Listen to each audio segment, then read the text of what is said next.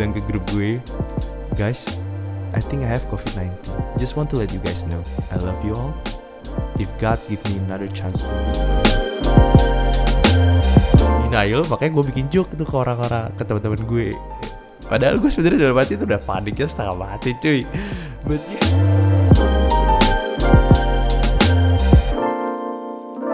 Hello everyone, welcome back to Pascal. Pada suatu ketika episode 74. How are you guys doing? Damn. I'm back yo with a brand new episode yang akhirnya setelah tiga minggu cuy. Setelah tiga minggu formatnya tuh interview. Akhirnya balik ke monolog. gelap di dalam tanya setelah tiga minggu gitu gue dapat DM dari lu pada tentang kak ayo ngomong tentang COVID-19 coronavirus and yeah all this pandemic shit.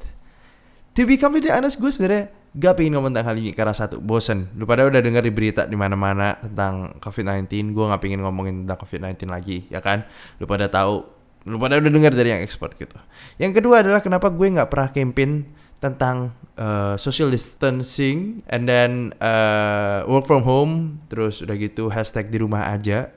Sebenarnya ada alasan cuy. Ada alasan sampah yang kenapa gue nggak pernah campaignin tentang hal itu yang bakal gue ceritain di podcast gue kali ini. Jadi lu pada jangan khawatir akhirnya gue bawain juga kan topiknya. Tapi eh, mungkin gue bawainnya rada nyantai udah kelamaan ya udah udah tiga minggu terakhir tuh topiknya berat mikir gitu. Kayak gue yakin sekarang lu pada cari monolog gue yang asik kayak, kayak dicariin aja. Monolog gue yang bisa nemenin lu pada tidur. Eh, seperti biasa yang gue masih udah satu bulan lebih gue bingung kenapa lu dengerin podcast gue waktu tidur but apparently kebanyakan dari lu pada dengerin podcast gue sebelum lu pada mau tidur. But that's totally fine gue nggak bakal ngejudge lu thank you so much udah dengerin podcast gue anyway juga ya kan Oke, jadi nggak usah banyak cincong. Sekarang kita langsung masuk aja ke cerita-cerita seputar COVID-19 di Madura dan kehidupan gue apa yang terjadi. Pada suatu ketika Man, pada suatu ketika, yes. Uh, let's see, gue mulai dari mana. Um, Oke, gue mulai dari sini dulu deh. Few weeks, oke, actually minggu lalu sih, nggak few weeks. Oke, minggu lalu, sebenarnya minggu lalu gue lagi ngambil tes, ya kan, personality test. Kalau pada tahu tuh 16 personalities, apalah itu gue lupa. But ada yang E ENFJ, ESF, FEFSJ, IF, ya itu INFT or or something like that gitu. Yang nentuin lu tuh orangnya kayak gimana. Oke. Gue ambil tes itu karena gue disuruh sama teman gue karena kita lagi saking gabutnya kayaknya dia udah kehabisan drama Korea dan gue juga nggak tahu harus ngapain lagi di hidup gue karena gym pada tutup. Ya kan? Jadi gue lumayan stres. Gue lumayan stres, gue ambil tes itu di kesibukan eh, dan dia juga ngambil tesnya juga karena setiap orang tuh beda-beda actually. Setelah berapa tahun dia bisa berubah. Uh, dan apparently setelah gue ngambil tes itu gue ketahui sesuatu yang sebenarnya gue udah expect dari dulu. Oke sebenarnya gue nggak gitu ngelihat tiga huruf terakhir sih. Gue cuma ngeliat the first uh, letter which is actually I or E, introvert atau extrovert. Yang ternyata gue gue ngapain pura-pura kaget sih? Gue bingung sampai sekarang. Uh, gue tuh orang extrovert. For those of you yang nggak tahu, kebanyakan mayoritas orang di dunia ini tuh ambivert ke extrovert sih. Uh, introvert tuh minoritas. Oke. Jadi gue sebenarnya extrovert dan di mana extrovert gue tuh parah banget cuy. Extrovert gue tuh kayak 84% gitu kayak kayak temen gue waktu ngeliat kayak "Hmm, extrovert lu lumayan tinggi ya. Terus kayak gue tunjukin ke temen gue yang lain. Oh wow, gua gua sih juga ekstrovert tapi nggak setinggi lu gitu loh. Eh, but ya menurut gua work from home adalah sesuatu yang sangat menyakitkan. Kayak bagi gua tuh all this thing itu kayak excruciating gitu kayak gua painful banget sih di rumah terus terus kayak weekend gua harus di rumah itu aduh bukan gue banget men. Kayak tapi jujur aja ya jujur aja deh banyak banget. Setelah gue waktu ada work from home ini gue jadi bisa ngeliat nih teman-teman gue yang sok-sokan oh gue tuh introvert. Eh gue tuh quality over quantity. Gue tuh orangnya lebih suka di rumah nonton Netflix bla bla bla bla bla. Abis dua minggu mereka kayak oh my god gue mau keluar. Gue udah bosen setengah mati temen gue tuh kayak the real introvert. Gue punya salah seorang temen gue namanya Valentino kan. This guy Valentino dia itu literally loh dia pernah winter break satu bulan dia cuman puter-puter komplek apartemen dia. Waktu itu dia lagi banyak duit dia pakai Uber Eats itu kayak anggapannya GoFoodnya Amerika. Tiap hari terus kerjanya seharian main game pagi sampai malam itu tuh namanya. Itu introvert tuh. Eh, dia nggak butuh orang lain cuma butuh dirinya sendiri. Eh, dan bener-bener gak ada kayak nggak pernah cerita apa-apa nggak pernah eh, melihat kehidupan luar. Oke lah tapi gak gak semua introvert tuh se ekstrim itu. But you know kadang tuh di di zaman sekarang itu entah kenapa semua orang mengaku introvert. Yang ini gue juga ngambil dari eh, Adriano Kalbi punya sih. Gue waktu dia ngepost, dia ngepost hal yang sama sama yang gue pikirin waktu itu. Dia ngepost kalau misalkan, tapi gue postnya di close friends teman-teman gue gitu. Kayak kayak semua orang di dunia ini sekarang tuh intinya ngaku introvert, tapi giliran udah work from home jadi kelihatan tuh mana introvert mana extrovert. Lu pikir gampang jadi introvert? So yes, eh aduh gue meleceng banget itu ya. Tapi ini sebenarnya ada hubungannya. Jadi gue tuh sebenarnya kayak extrovert as fuck kan. Parah banget yang gue nggak bisa eh, contain myself in let's say in my house, in my home for quite long time. Tanpa ada social interaction, apalagi ketemu orang langsung itu. Dan waktu gue di rumah ini dan waktu gue pandemik ini, kenapa gue sebenarnya nggak pernah campaign yang tadi gue bilang di hashtag di rumah aja? Itu karena gue oh my god I'm so dumb. Lu pada boleh kata-katain gue tapi minggu lalu sebenarnya gue masih suka jalan-jalan. Soalnya gue nggak bisa gitu loh. Gue gue weekend gue kayak aduh gue udah uh, stres banget di kerjaan. And then like uh, I'm not going out on on weekdays. Might as well going out on weekend ya kan? Dan akhirnya gue ngajak semua temen gue untuk keluar literally gue invite semuanya ayo dong keluar dong. Ah gini doang. Ayolah temenin gue ngewain yuk bla bla bla bla bla akhirnya gue ngajak semuanya ngajak semuanya dan eh, yang bisa adalah teman baik gue dua orang Eh, dan dia ngajak temennya satu lagi. Eh, yang apparently yang bisa tuh cewek-cewek doang gitu. Yang cowok rata-rata pada di rumah jaga diri nggak boleh keluar. Nah tiga cewek ini mereka maksa untuk keluar. Dan akhirnya kita kita berempat keluar oke kita berempat keluar kita pergi ke sebuah restoran eh, Meksiko yang hampir bang Mexican food gitu yang hampir bangkrut di sebuah mall eh, Tunjungan Plaza kalau pada tahu. Eh, dan akhirnya kita makan di situ abis kita makan literally itu kayak itu itu awkward banget loh. Kayak live music kan tetap ada kan. Terus yang makan tuh cuma kita. Ya makan tuh literally kita doang. Terus kayak ayo barangkali siapa yang mau request gitu. Kayak gue ini maksudnya kita bertiga doang nih. Temen gue yang satunya masih nyusul gitu kayak dan akhirnya eh, abis makan kok sepi banget ya? Gila Surabaya itu jalanan gila cuy sepinya setengah mati men. Dan akhirnya kita pindah tuh ke sebuah restoran Italia. Oke kita pindah ke sebuah restoran Italia ya, panggil saja di Surabaya Barat. Panggil saja namanya TB di sebuah mall namanya Landmark Italian Food kalau pada di Surabaya harusnya lo tahu sih restoran ini. Dan akhirnya kita ngewain di situ kan. ya, mumpung ada promo itu jadi sekalian kan. Restorannya lumayan lumayan gede. Kalau lu pada tinggal di Jakarta tuh mungkin segede bentar gua google dulu. Pikir dulu bentar. Oke gua ketemu. Yang pasti lu pada tahu Eh, Saburi Saburi sama kintannya GI oke oke lu pada bayangin Saburi sama kintannya GI sekarang. Kaliin dua atau tiga. Kali dua deh kali dua kali dua lumayan gede kan lumayan gede. Nah di restoran Itali ini literally cuma dua meja doang cuy. Meja gua sama meja sebelah gitu kita rada jauh social distancing. Nah kita makan ketawa-ketawa gitu kan ketawa-ketawa segala macam. The night was good gitu. Kita akhirnya balik jam satu habis ngewain dan nyampe rumah. Besoknya juga hari Senin aktivitas ya jalan-jalan aja gitu nggak ada masalah. Sampai akhirnya. Oke sampai akhirnya. Ntar gue ambil HP gue dulu. Ini ini the fun part begin gitu. Ini Oke, gue gue sebelumnya gue harus minta maaf dulu ya sama kalian. Maaf banget loh, gue nggak eh, ngikutin apa yang seharusnya gue lakuin. Gue ngaku salah eh, akan apa yang gue lakuin ini. Em, gue bacain nih akhirnya malamnya tuh temen gue nge teman-teman gue yang nggak bisa yang gue bilang ayo ke TB yuk nge-wine. Gitu. teman-teman gue pada nggak bisa. Jadi teman-teman gue tahu tuh gue ke TB malam itu kan. Terus temen gue nge-forward screenshotan si screenshotan yang lagi di forward sama orang-orang Surabaya. Gue bacain ya. Eh, teman-teman hindari ke TP ataupun pesan makanan dari TP karena salah satu karyawan di sebuah perusahaan di TP 6 suspek corona. Kantornya sudah sendiri sudah ditutup dan setiap karyawannya sedang dikarantina. Sorry telat info dari anak CG Cell Group ya. Kalau pada nggak tahu itu kayak pengajian lah anggapannya lah kalau dibuat umat Kristen gitu. Oke. Jadi dari anak CG yang temannya kerja di kantor tersebut. jadi jadi oke oke oke. Udah pada tahu kan.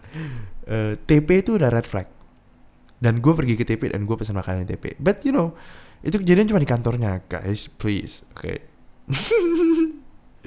dilanjutin lagi cuy. Koncoy Sabtu makan di TB temennya Sabtu makan di TB sekarang masuk mitra keluarga wes positif covid. Sudah positif covid. Mati gue udah kayak men ini beda mall men dan dua-duanya tuh yang disebut adalah tempat yang gue pergi cuy. Oke oke. Terus ada yang ngerespon tuh muateng wes. TB nah terus dia dia dia jawab lagi iya pertama masuk diperiksa sakit fen fenomi fenomia pneumonia maksud dia pneumonia oke. Pneumonia biasa. Terus agen asuransinya bilang sekalian suruh cek COVID-19 habis itu dicek ternyata positif terus dia cuman bilang kayak oh ya di rumah sakit. Ini NH juga ada susternya yang sampai kena juga bla bla bla bla bla. Jujur aja waktu gue terima teks itu gue udah kayak literally man itu kayak setengah nyawa gue tuh kayak hilang. Kayak man seriusan? Gue selalu percaya kayak what are the chances? What are the chances? Seberapa gede sih kemungkinannya hal ini bisa kejadi kayak gue selalu nanyain ke diri gue aduh ya udah lah ya cuman makan di luar doang masa sih kita bisa terkena positif covid? Oke makanya guys sekali lagi jangan judge gue sorry itu adalah sebuah kebodohan yang gue akuin. Itu kebodohan yang sangat bodoh. Oke lu pada boleh kata-katain gue sekarang bodoh. Tapi tolong lanjutin podcastnya biar listeners gue naik. But anyway yes aduh gue tuh suruh pada stay padahal gak dapet duit apa-apa lagi. Nggak kasihan lu pada. Donate dong kapan-kapan. Tai lah. Anyway eh abis gitu tuh di yang gue lakuin pertama adalah gue langsung datang ke kamar eh, bonyok gue. Gue bilang kayak pak ada kejadian. Pak ma ada kejadian ini ter- terjadi gitu. Kan gue jelasin terus bonyok gue udah kayak oh my god. But that's it. Kayak kita harus pisah minuman segala macam deh tapi di rumah gue tuh ada kebiasaan yang di mana kita tuh akhirnya gue sampai sekarang mencoba self isolate self isolate kayak self quarantine myself. Tapi susah banget. Karena kenapa? Karena di rumah gue kita serba sharing yang cowok-cowok. Apalagi bokap gue kadang dia bisa lupa dia ambil sikat gigi gue terus pakai sikat gigi gue yang pasti itu gelas juga. Gelas kita cuma ngeliat apa yang ada di depan mata kita kita ambil kita isi air kita langsung minum jadi kalau gue kena, otomatis satu keluarga gue sebenarnya udah kena dari hari Senin pagi. Jadi gue udah kayak, oke ini udah bohwat sih pak, udah udah bohwat is like ini udah percuma gitu loh, udah udah nggak bisa ngapa-ngapain gitu. Ini udah udah pasti papa mama ke ke ke, ke kena virus juga kalau nanti kena virus gitu loh. Terus apalagi ada gue gitu kan, Eh, ya udah pasti kena gitu. Terus gimana dong pak?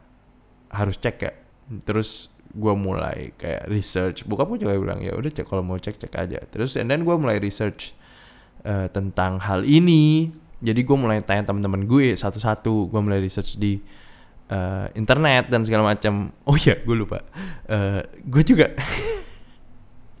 gue kayak rada lebay sih. Tapi gue akhirnya kayak waktu gue terima hal itu gue udah kayak ngomongin ke teman-teman gue satu-satu Eh, gue bentar gue cariin deh. Ini yang paling sampahnya gue bilang. Gue bilang ke grup gue guys I think I have COVID-19 just want to let you guys know I love you all. If God give me another chance to live, let's go to Tomorrowland next year. ya, ya kita sebenarnya emang lagi pingin pergi ke Tomorrowland sih, ya guys. Eh, jadi eh, itu harapan gue kalau gue ternyata masih hidup dan gue ya gue lumayan overreacting dan gue nggak ternyata gue nggak nyangka ternyata orang-orang yang denger yang gue kasih tahu hal ini mereka sebenarnya panik gitu dan gue ngerasa gue melakukan sebuah kesalahan dan kebodohan di tengah-tengah eh, isu yang marak gini gue malah bikin bercandaan gini. Oke sekali lagi kalau pada mau katain goblok katain gue goblok sekarang. Gue ngakuin kalau gue emang salah tapi tapi itu ya ya ya, ya itu yang gue kirim oke. Terus akhirnya gue juga kirim juga ke salah seorang temen gue lainnya oke. Em, bentar bentar. Nah, ini dia. Gue gua ngomong hal ini nih. Eh gue ceritain kejadian gue kan. Terus habis gitu gue tanya am I getting fuck here? Terus dia jawab. Eh titik titik titik. Terus gue bilang kayak eh, please repost my podcast if anything happen to me and tell the world I was a good guy.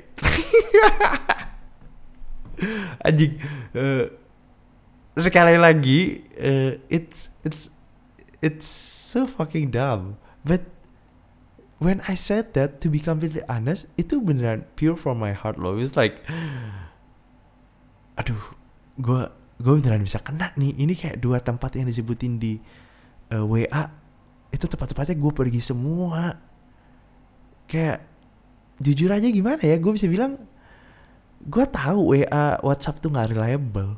Tapi waktu lu dapet teks kayak gini screenshotannya orang ngomong ngomong sama orang lain lu pasti panik lah ya. Lu kayak gue tuh bercanda karena gue pingin itu defense mekanisme gue buat gue ngalihin kepanikan yang sebenarnya gue punya lu ngerti gak sih kayak gue gue, tuh macam in denial. Lu ngerti gak sih waktu lu dikasih tahu ah lu mati gitu.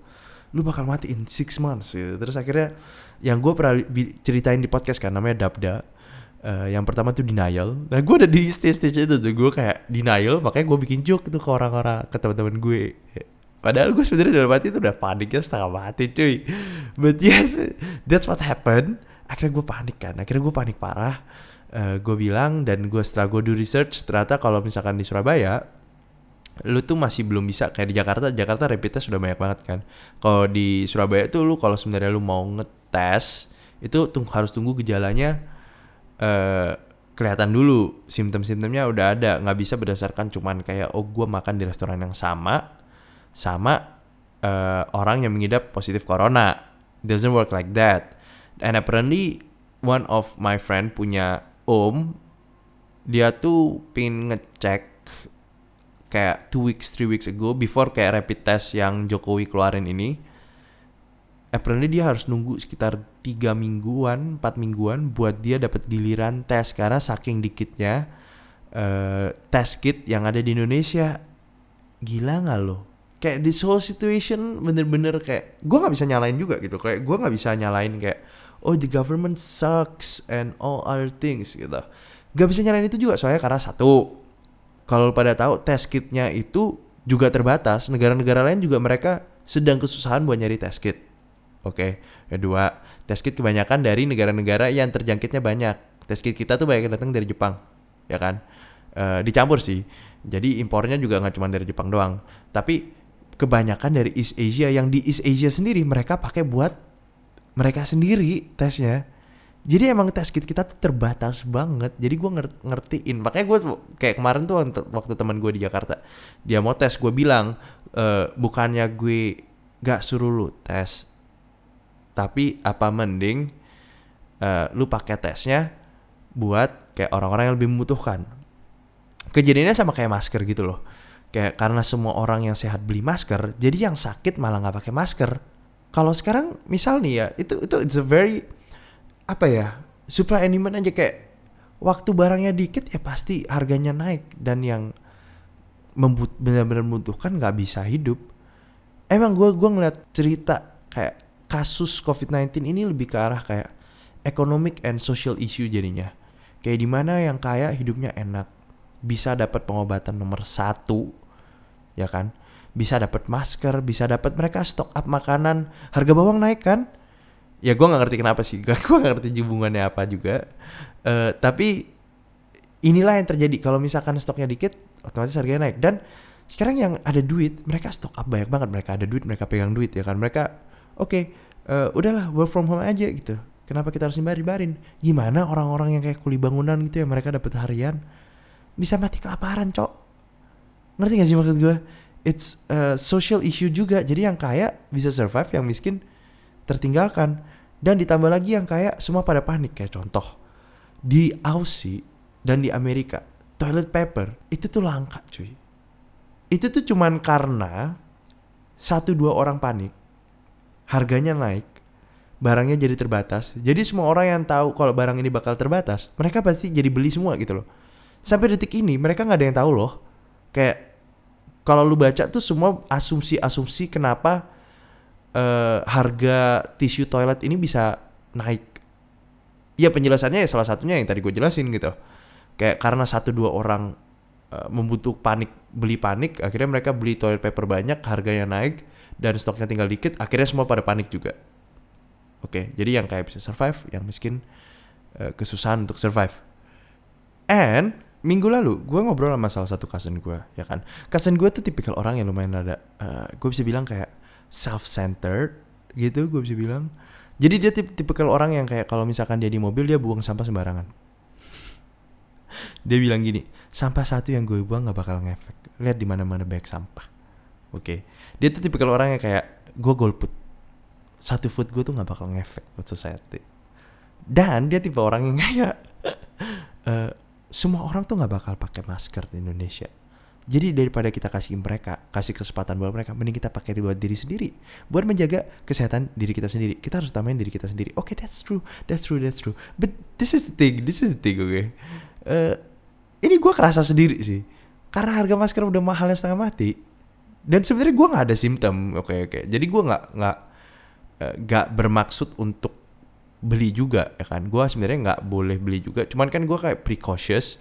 Uh, gue coba self quarantine myself tapi dengan harga yang masker yang begitu tingginya gue jadi kayak mikir dua kali gitu loh hmm beli nggak ya gue kayak masih sehat-sehat aja sih kayak hipotesa gue doang enggak lah gak usah Gak tau Oke okay, kalau pada DMI Kalau pada emang percaya Kalau gue harus beli masker atau enggak uh, Karena gue udah makan di restoran yang sama Di hari yang sama Pergi ke dua tempat yang sama But ya let me know kalau gue emang harus beli masker atau enggak.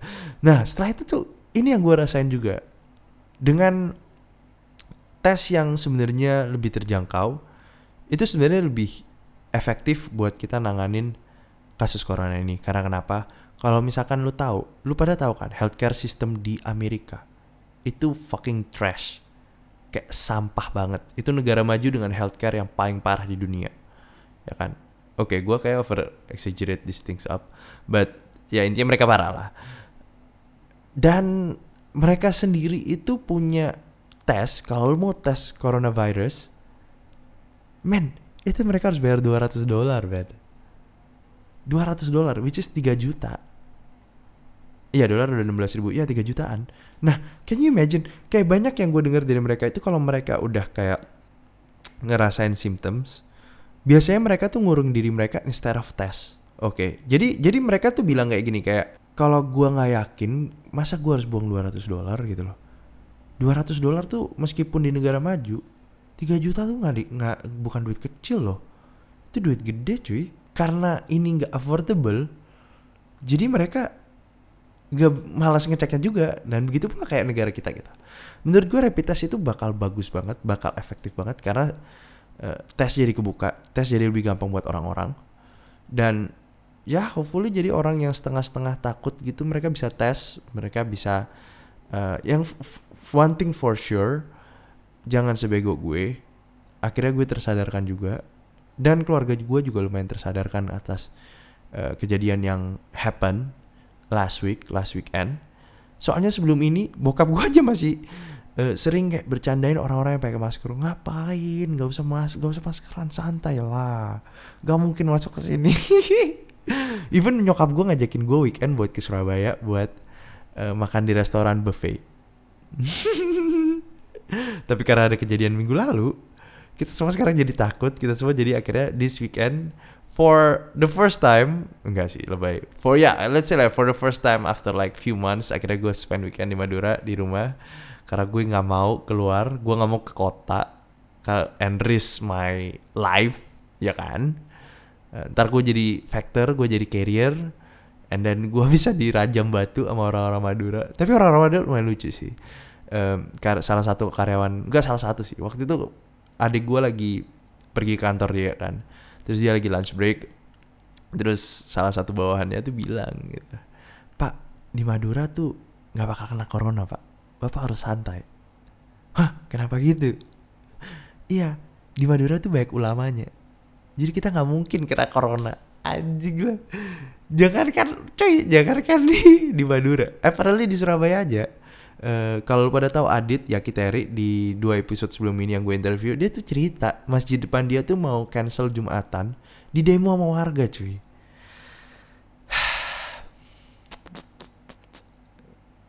Emang repot ya. Repot serius. Kayak kayak orang-orang tuh level edukasi kesehatannya tuh sangat kurang sangat minim. Ditambah lagi mereka semua act like they have PhD in medical studies from WhatsApp group gitu. Very reliable very reliable. So yeah I guess that's it yang mau gue omongin tentang coronavirus COVID-19 jangan sampai apa ya terjadi ke gue kejadi ke lu pada makanya lu pada kalau bisa di rumah stay di rumah.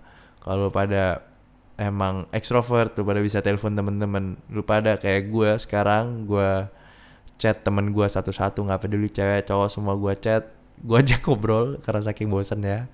Eh, dan habiskan semua film-film drama Crash Landing on You eh, Kingdoms atau lu pada kalau lu pada wibu lu pada bisa nonton Kimi no Nawa Tenkinoko uh, and many more. Uh, I guess that's it guys for the podcast today. I'll see you guys next week. Don't forget to follow PSK Podcast cause uh, we usually have discussion and I want you to participate our discussion. So yeah.